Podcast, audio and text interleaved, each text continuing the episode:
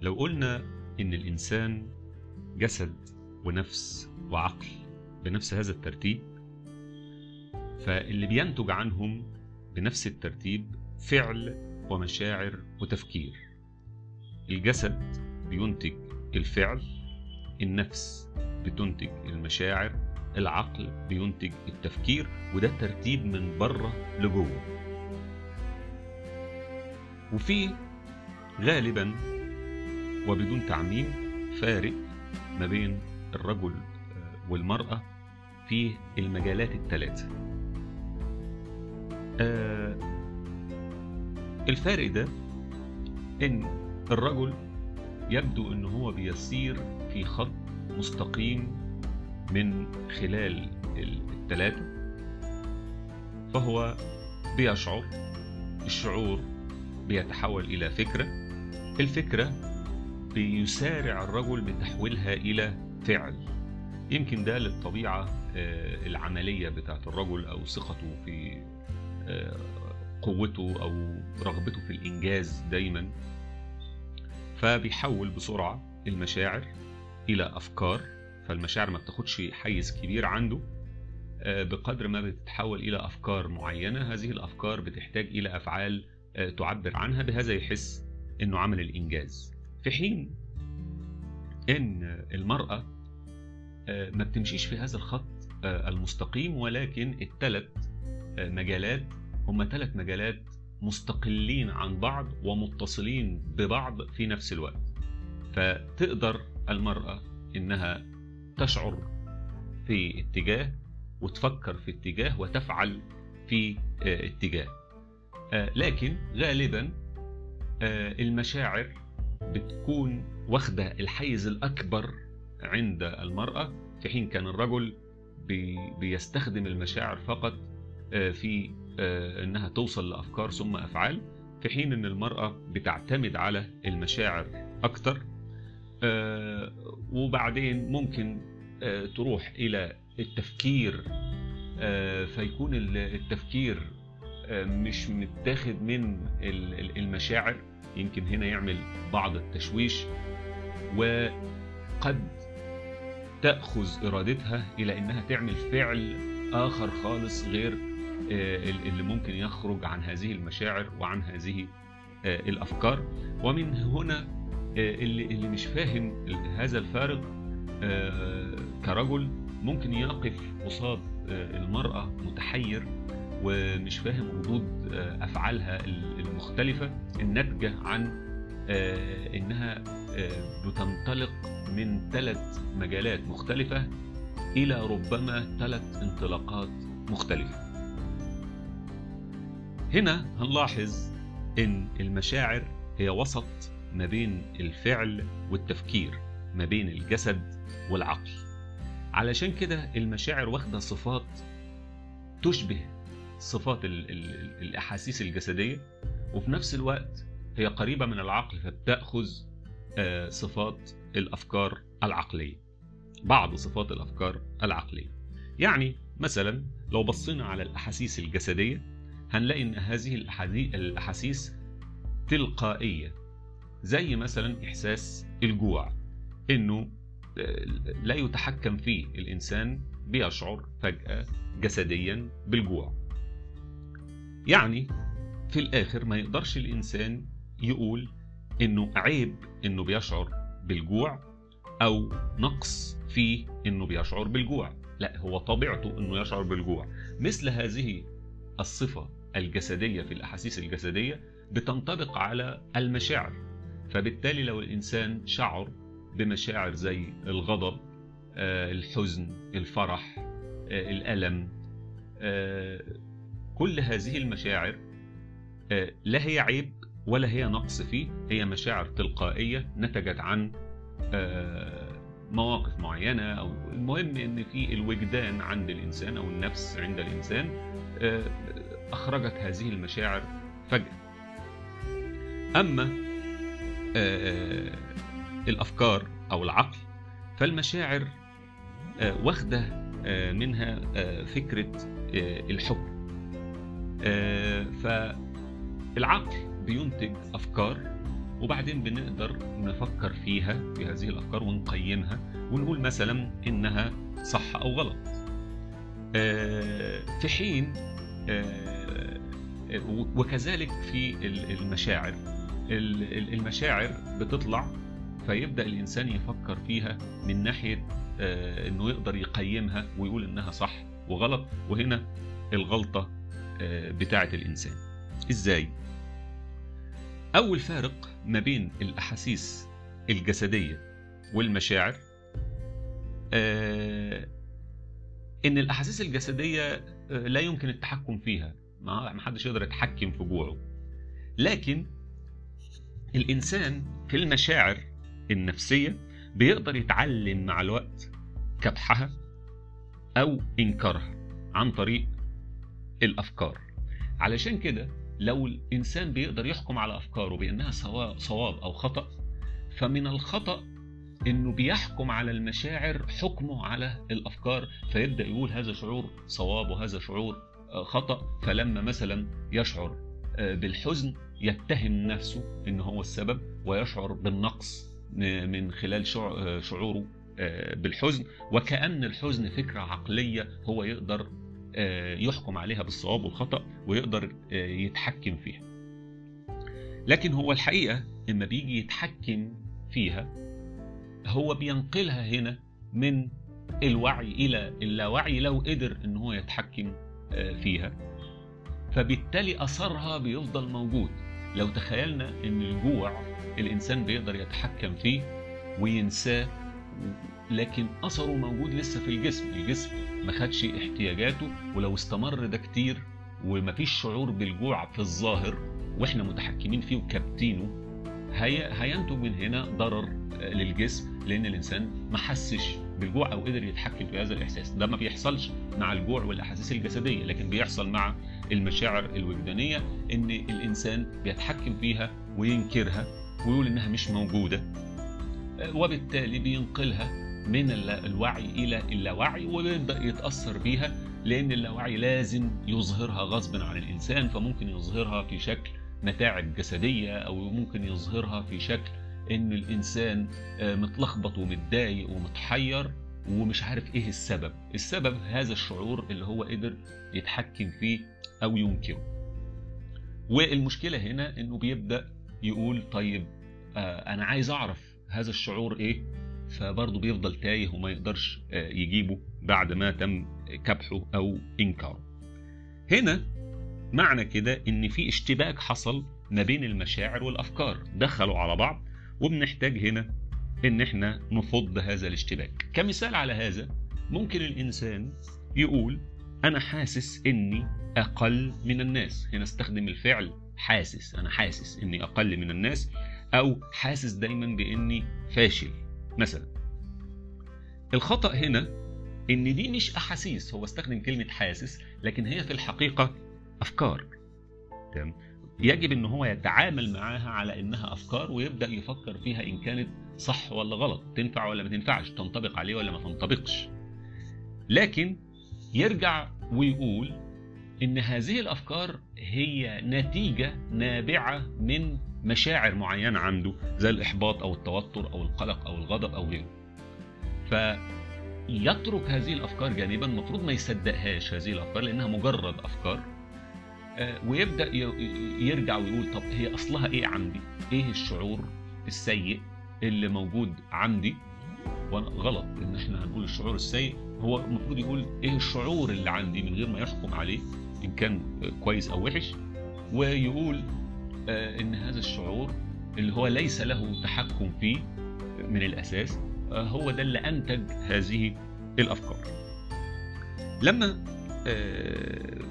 بيحصل هذا الخلط ما بين المشاعر والأفكار ففي تعامل أمثل علشان نفك هذا الخلط التعامل ده بيعتمد على فكرة قبول المشاعر ومناقشة الأفكار بمعنى إن لو خدنا المثال اللي فات إن الإنسان حاسس إن هو أقل من الجميع وده ناتج عن شعور الإحباط.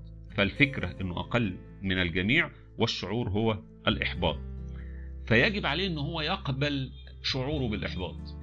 ما يحاولش إن هو يقاومه ما يحاولش إن هو يتحكم فيه وما يحاولش إن هو يضحك على نفسه أو ما يحاولش إن هو يحكم عليه بإنه شعور صح أو غلط. هي حاجة زي الجوع.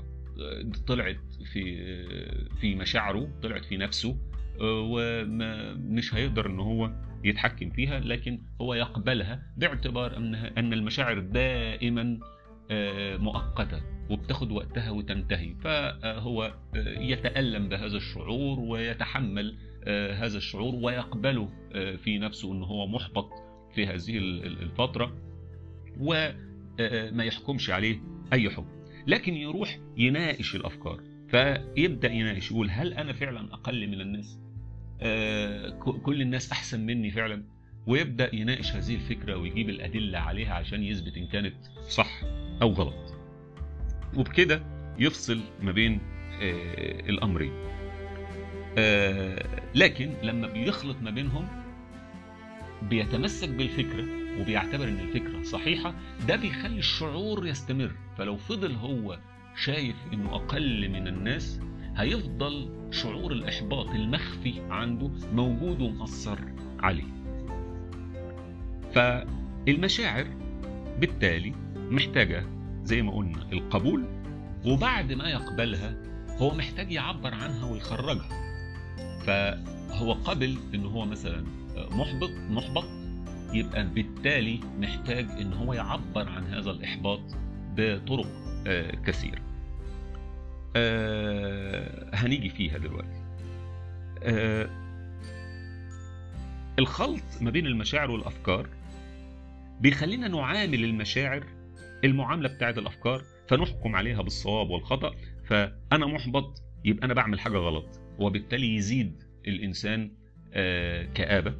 وبعدين يبدأ يرفض هذا الشعور وبيعتبره نقص أو ضعف في الإيمان اللي هيؤدي في الآخر إلى الكبت وانتقال الشعور من الوعي إلى اللاوعي فيبدأ يبقى مضر أو عدم التعبير عنها لأنها شيء غلط وشيء ناقص وهو مش عايز يعبر عن هذا علشان صورته ما تتهزش.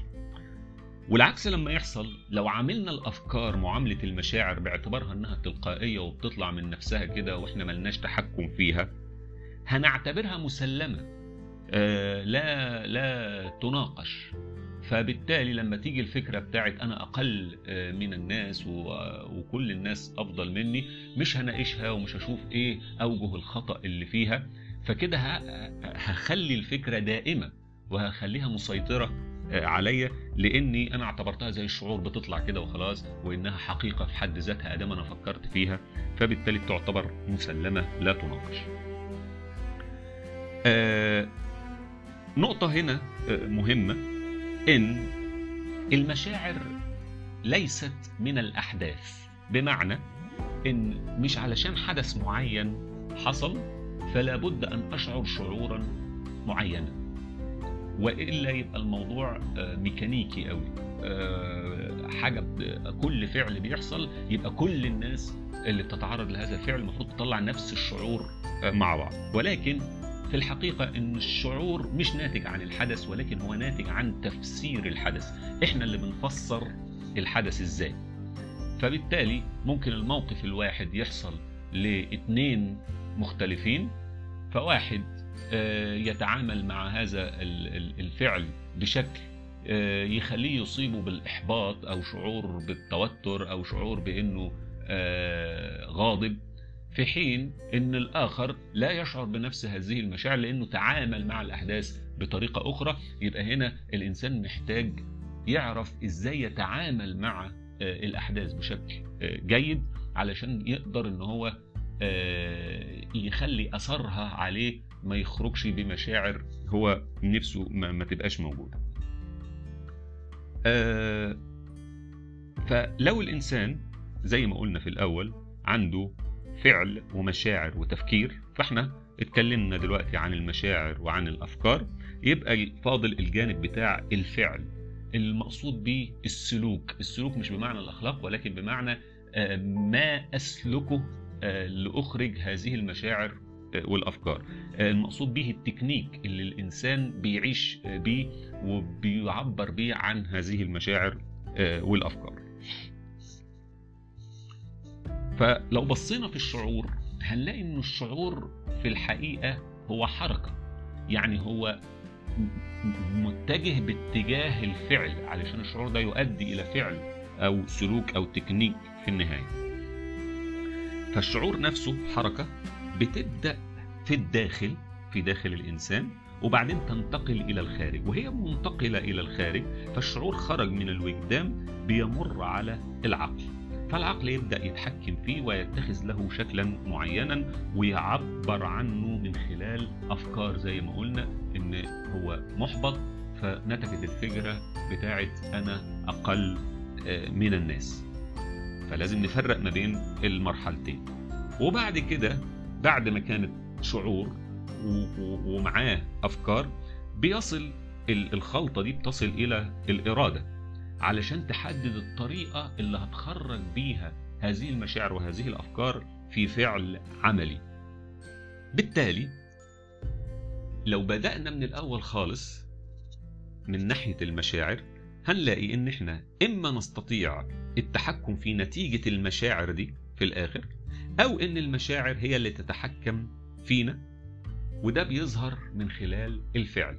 هل أنا قدرت أتعامل مع هذه المشاعر مع هذه المشاعر بشكل آه ناضج يخلي الإنسان يقدر يتلافى آه الجانب السلبي بتاع الأفكار والأفعال ولا أنا هستسلم قصاد هذه المشاعر وهتعامل معاها تعامل غير ناضج فهيؤدي إلى أفكار غير ناضجة وهينتج عنها أفعال غير ناضجة مضطربة وغير متوازنة. وده اللي بنسميه الذكاء الوجداني. الذكاء الوجداني اللي هو القدرة على التعامل الصحي مع المشاعر بحيث إني أضمن إن هذه المشاعر لا تؤذيني وإنما مهما كانت مشاعر انقباضية أو انبساطية تؤدي إلى تعامل أفضل أو أو أو ما تأذيش الإنسان. فالقدرة على التعامل الصحي مع هذه المشاعر بيكون في خطوته الأولى بإني أخرج هذه المشاعر من الوجدان إلى العقل الواعي علشان يقدر يتعامل معاها وما تبقاش في اللاواعي وما تبقاش مكبوتة. فبتقابلنا هنا دايما في إخراج المشاعر من الوجدان إلى العقل مشكلة الكبت. والكبت هنا لا نعني به كظم المشاعر لأن ده وعي بالمشاعر. لو أنا بحاول أكتم المشاعر وأتحكم فيها فده في حد ذاته معناه إن أنا واعي بهذه بهذا الشعور. لكن الكبت اللي نعنيه هنا هو عدم الإدراك لوجود الشعور أصلا. فالشعور نتج وأنا بحاول أهرب من هذا الشعور تماما فب... فبركنه في اللاوعي جوه بحيث إنه يكون في منطقة مظلمة أنا ما أشوفوش وما أتعاملش معاه من الأساس حتى في مرحلة الكظم أو التحكم. رغم إن أعراضه موجودة يعني من ضمن هذه الأعراض مثلا وجود سلوكيات إدمانية. للمخدرات للمسكرات للجنس لل أي للعمل. أي سلوكيات إدمانية موجودة بتعني إن في شعور جوه أنا بحاول أهرب منه بهذه السلوكيات الإدمانية. ولكن رغم وجود هذه السلوكيات فأنا منكر وجوده تماما لدرجة إن أنا مش حاسس بيه فيفضل ضيف ثقيل موجود في اللاوعي. والإنسان مش عارف يتعامل معاه ومش عارف إن هو موجود من الأصل وهو ده الكبت اللي بيقابلنا في الخطوة الأولى اللي هي الانتقال بالمشاعر من المشاعر إلى العقل الواعي عشان يقدر يدركها ويبدأ الإنسان يعرف يتعامل معاها. الخطوة الثانية إن الإنسان هنا محتاج يعبر من خلال الكلام بالأساس عن هذه المشاعر. ليه الكلام؟ لأنه أكثر تحديدا هو ده مش مش مختزل مش مش رموز الكلام هو أكثر تحديدا في محاولة التعبير عن المشاعر أكثر تحديدا ربما من الرسم أو الموسيقى أو الرقص أو أي وسيلة أخرى من وسائل التعبير اللي هي بتبقى محملة برموز كتير قد تخلي الشعور غامض شوية فالتعبير عن الشعور بيتم في الأساس بطريقة أسهل من خلال الكلام. لكن المشكلة اللي بتقابلنا هنا إن إحنا دايما علشان نعبر بالكلام بنحتاج إلى وجود شخص آخر يستقبل هذه المشاعر ويكون أمين عليها. آه صحيح الإنسان ممكن يعبر من خلال الكتابة أو من خلال إن هو يكلم نفسه لكن آه دي وسائل صماء آه بيطلع بس منها آه الشعور وبيعبر عنه. لكن في وجود في حالة وجود شخص آخر بيسمع لهذه الأفكار بتبقى مش وسيلة صماء لكن وسيلة تفاعلية لأن الإنسان ساعتها بيتفاعل مع هذا الشخص الآخر وبيشوف رد فعله على هذه المشاعر فبيحتاج إنسان يكون رد فعله ناضج وعنده القبول الكافي اللي هو يقبل به هذه المشاعر فلا يحكم عليها ولا يتوجه بقى للنصح والموعظة ولا يتوجه إلى تخطئة الإنسان على هذه المشاعر فيكون إنسان قادر على التواصل. وبالتالي هنا ينتج عند الإنسان الحاجة إلى العلاقات. علشان يلاقي علاقة حقيقية يقدر إن هو يخرج بيها هذه المشاعر لشخص قدامه يضمن إن هو يقبله ويضمن إن هو يكون أمين على هذه المشاعر فلا يستغل فيها مثلا. ومن هنا بيكون العلاقات لها احتياجين أساسيين. الاحتياج الأول هو القبول غير المشروط والاحتياج الثاني هو الحاجة إلى التواصل. فلو خدنا الحاجة الأولى اللي هي القبول غير المشروط فهنلاقي إن كل المشاعر سواء حكمنا عليها بإنها إيجابية أو سلبية هي أصلها الحب أو الخوف. آه هم دول الأصلين الكبار اللي بتتفرع منهم أي شعور آخر. فلو لقينا شعور انبساطي فهو بالضرورة مأخوذ من الشعور بالحب ولو لقينا شعور انقباضي فهو بالضرورة مأخوذ من الخوف. الخوف من الحياة بيساوي غياب الحب عنا وعدم الشبع من المحبة. فالخوف في أساسه هو غياب للمحبة. هو ما فيش خوف في حد ذاته كده ولكن هو الخوف هو ناتج عن الغياب عن غياب الحب عنا وعدم الشبع من هذه المحبة. وبالتالي العلاج بيكون بمزيد من الحب. القبول غير المشروط أول ما يفسده الرغبة في تغيير الآخر. يعني لو عايزين نكون الطرف الآخر اللي بيقبل قبول غير مشروط للي قدامه فيجب إن إحنا ما نعملش هذا الذي يفسد القبول, القبول غير المشروط بإن الإنسان يبقى راغب في تغيير اللي قدامه. لا أنا قبلك زي ما أنت مش هحاول أغيرك. في حين كمان إن هذا القبول أصلا لو تم من غير نية بالتغيير فهو بالضرورة قد يؤدي باحتمال كبير إلى التغيير فعلا. لو في قبول غير مشروط فهو بيؤدي في الغالب إلى تغيير فعلي في حياة الإنسان بشرط إن أنا ما أكونش بستهدفه من البداية. أنا مش بقبلك عشان أغيرك أنا بقبلك بس كده من غير أي سبب مسبق. فده بيدي للإنسان الآخر رسالة أمان تخليه هو نفسه اللي عايز يتغير يبقى التغيير نبع منه هو مش أنا اللي مغيره آه ليه؟ لأن الإنسان في حد ذاته في طبيعته كده عنده تشوق داخلي للشفاء عنده تشوق من جواه للتعافي للاكتمال لأنه يكون أحسن فلما بيلاقي إن اللي قدامه قبله زي ما هو قابل نواقصه وعيوبه اللي فيه فبالتالي بيحاول من جواه في الغالب إلى إنه يصل إلى هذا الشفاء وهذا التعافي وهذا الاكتمال كنتيجة من نتائج هذا القبول. هذا القبول بيشجعه على هذا الشفاء. وده ال ال ال إيه اللي بيساعد على القبول غير المشروط؟ أو إزاي أمارس هذا القبول غير المشروط؟ اولا لما يجيني فعل أو شعور أو فكرة ناقصة في شخص آخر أو معيوبة في شخص آخر يجب أن أنا أسأل أولا عما وراء فعل هذا الفرد. إيه الحالة اللي تعرض ليها اللي خلته يفعل هذا الفعل؟ الخطوة الثانية بعد كده إني أقدر هذه الحالة وأشوف إزاي اتحكمت فيه وخلته يصل إلى هذا الشعور أو هذا الفعل. فأتجه إلى مرحلة الغفران إن أنا أغفر له هذا النقص وهذا العيب.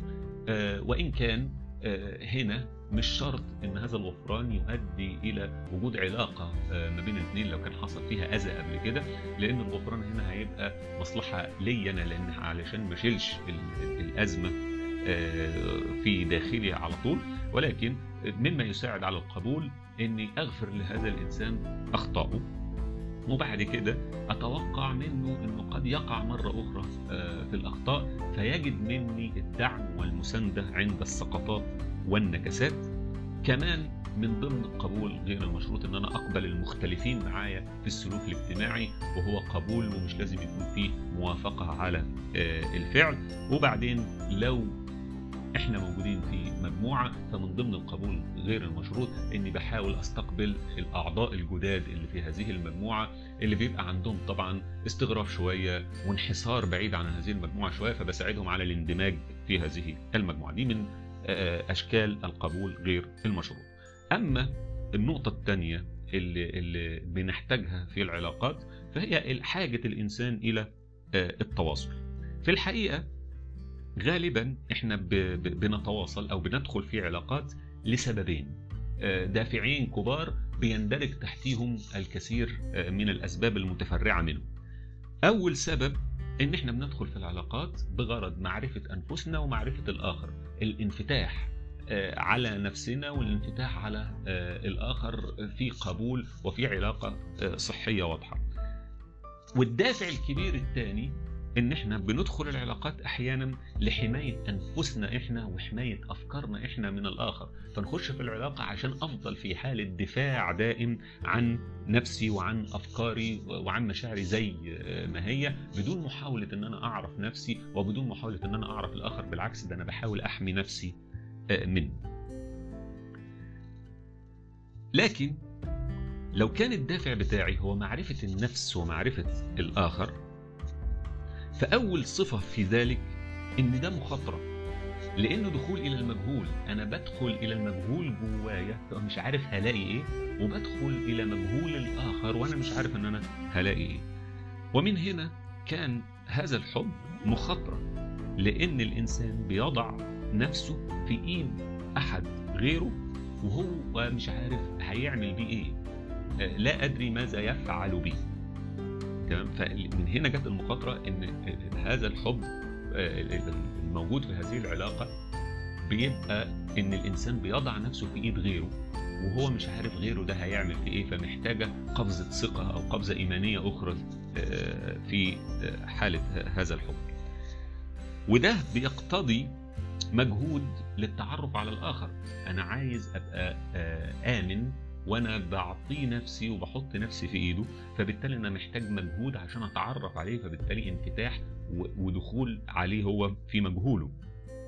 وبالتالي محتاج قبوله كما هو بلا تغيير يا إما أقبله كما هو يا إما أبعد علشان أقدر إن أنا أعطيه نفسي في إيديه. وكمان من ضمن هذه المخاطرة الاستعداد لرفض الآخر ليا هذا الرفض غالبا هيبقى مؤلم ومحزن وقد يثير الغضب ولكن في الآخر المفروض أن أنا أعلن من البداية أن المخاطرة من ساعة ما بدأت معناها أني لازم أخاطر في في حالة أن هو ممكن يرفضني في أي وقت ويرفض هذا التواصل ما بيني وما بينه. التواصل ده بيتم إزاي؟ إحنا عندنا طرفين ففي طرف مرسل لرسالة وهو بيرسل هذه الرسالة بيحملها تشفير معين. التشفير ده ناتج عن أفكاره وتاريخه ومشاعره السابقة فبيحملها في الرسالة بتاعته. الرسالة دي لما بتوصل هناك هي مش واصلة والتشفير ده واضح فيها. هو حاطط حاجات الآخر ما يعرفهاش عنه. في هذه الرسالة اللي هي قد تكون مجرد جملة أو مجرد فعل. إما المستقبل لهذه الرسالة الناحية التانية بيستقبلها بيفك شفرتها بناء على تاريخه هو وعقده هو وأفكاره. فممكن يكون الطرف الأول قال جملة أو عمل فعل عادي جدا ما فيهوش أي مشكلة. لكن الطرف الثاني استقبل هذا الفكر بأمور سابقة عنده. بتخليه يحكم على هذا الفعل أو هذا الشعور أو هذه الفكرة أو هذه الجملة بشكل مختلف آخر عن اللي كان يقصده الطرف الأولاني. فإحنا بنضع مشاعرنا ومخاوفنا وعقدنا في شفرات داخل الرسالة وعند محاولة فك هذا التشفير. طبعا هذه الشفرات بتتأثر بعدة أمور منها الصورة الذهنية عندي عن نفسي والصورة الذهنية بالنسبة لي عن الطرف الآخر لما أجي أستنتج وأفكار أستنتج أفكاره من غير ما هو يصرح بيها. هو ما قالش حاجة لكن تصرفاته وأفعاله كده من بعيد بقول آه يبقى ده دليل على إنه بيشعر ناحيتي بكذا أو بيفكر ناحيتي بكذا أو هو صفاته كذا وكذا وكذا رغم إن هو ممكن ما يكونش فيه خالص وأنا اللي عمال أستنتج. هذه الشفرات اللي بحطها في الرسالة أحيانا بتكون غامضة لدرجة إن أنا بوصل هذه الرسالة وأنا معتقد إن اللي قدامي هيفهم لوحده هذه الأمور الغامضة من غير ما أوضحها. فأنت بقى افهمني من غير ما أتكلم اعمل لي اللي أنا بتمناه من غير ما أطلب هذا اللي بتمناه. وكأنه هو تاني هيستنتج ده بسهولة رغم غموض هذه الرسالة. من ضمن ما يكون في هذه الشفرات إن الإنسان بيتحكم بيتكتم خوفا من الآخر من إنه ما يفهموش بشكل كويس فيقول لا خلاص أنا مش هقول له أحسن هيفهمني غلط. طب ما تقول له جرب. أو إنه ان أنا مش هقول له عشان بس ما ضخمش الأمور وما كبرش المواضيع وتحصل مشاكل. ولكن العلاقة القائمة على المصارحة العلاقة البيضة الشفافة اللي بتخلي الإنسان صريح مع الطرف الآخر بيكون هي الأفضل من فكرة الخوف منه أو الخوف من إن الخوف إن هو يفهمني غلط أو الخوف من إن الموضوع الموضوعات تتضخم لأن في الغالب هذه المناقشة بتقلل الأمور مش بتضخمها ولا حاجة لأنها بتبين الأمور لبعضنا البعض. فيبقى لو إحنا عندنا دافعين للدخول في العلاقات معرفة أنفسنا والآخر أو حماية أنفسنا وأفكارنا من الآخر يبقى التواصل الفعال الحقيقي هو الخروج من حالة الحماية إلى حالة الرغبة في التعرف على أنفسنا والآخر. لو بدأنا العلاقة من ناحية الحماية فيبقى التواصل الفعال فعلا إن أنا أخرج من حالة الحماية لنفسي والانغلاق على نفسي علشان أحمي نفسي وأفكاري من الآخر إن أنا أنفتح على الآخر وأحاول أتعرف على هذا الآخر وأتعرف على نفسي من خلال هذه العلاقة. وطبعا هنا بتقابلنا الأزمة بتاعة العلاقات السابقة اللي بتأثر على الإنسان في تعامله مع العلاقات الجديدة وبتبقى حاجز واصل حاجز واقف قدام التواصل الفعلي الحقيقي لأن العلاقات السابقة بترسم لنا توقعات معينة تخلينا بنتخيل ضرورة حدوث هذه التوقعات في العلاقات الجديدة. فكما حدث في العلاقات السابقة من واحد اثنين ثلاثة أربعة بتوقع أن العلاقة الجديدة هتمشي بنفس الترتيب وده اللي بيؤدي إلى استحالة هذا التواصل أو أن التواصل ما يكونش حقيقي. فمن ضمن هذا الانفتاح واللي فيه مخاطرة برضه أن أنا بنفتح على الآخر بدون ما أخليه يتحمل عبء علاقاتي السابقة وأفكاري عنها أنا هنا بكتشف أرض جديدة تماما مش لازم يكون نفس الأرض السابقة مش لازم يكون هيحصل فيها نفس اللي حصل في العلاقات السابقة. thank you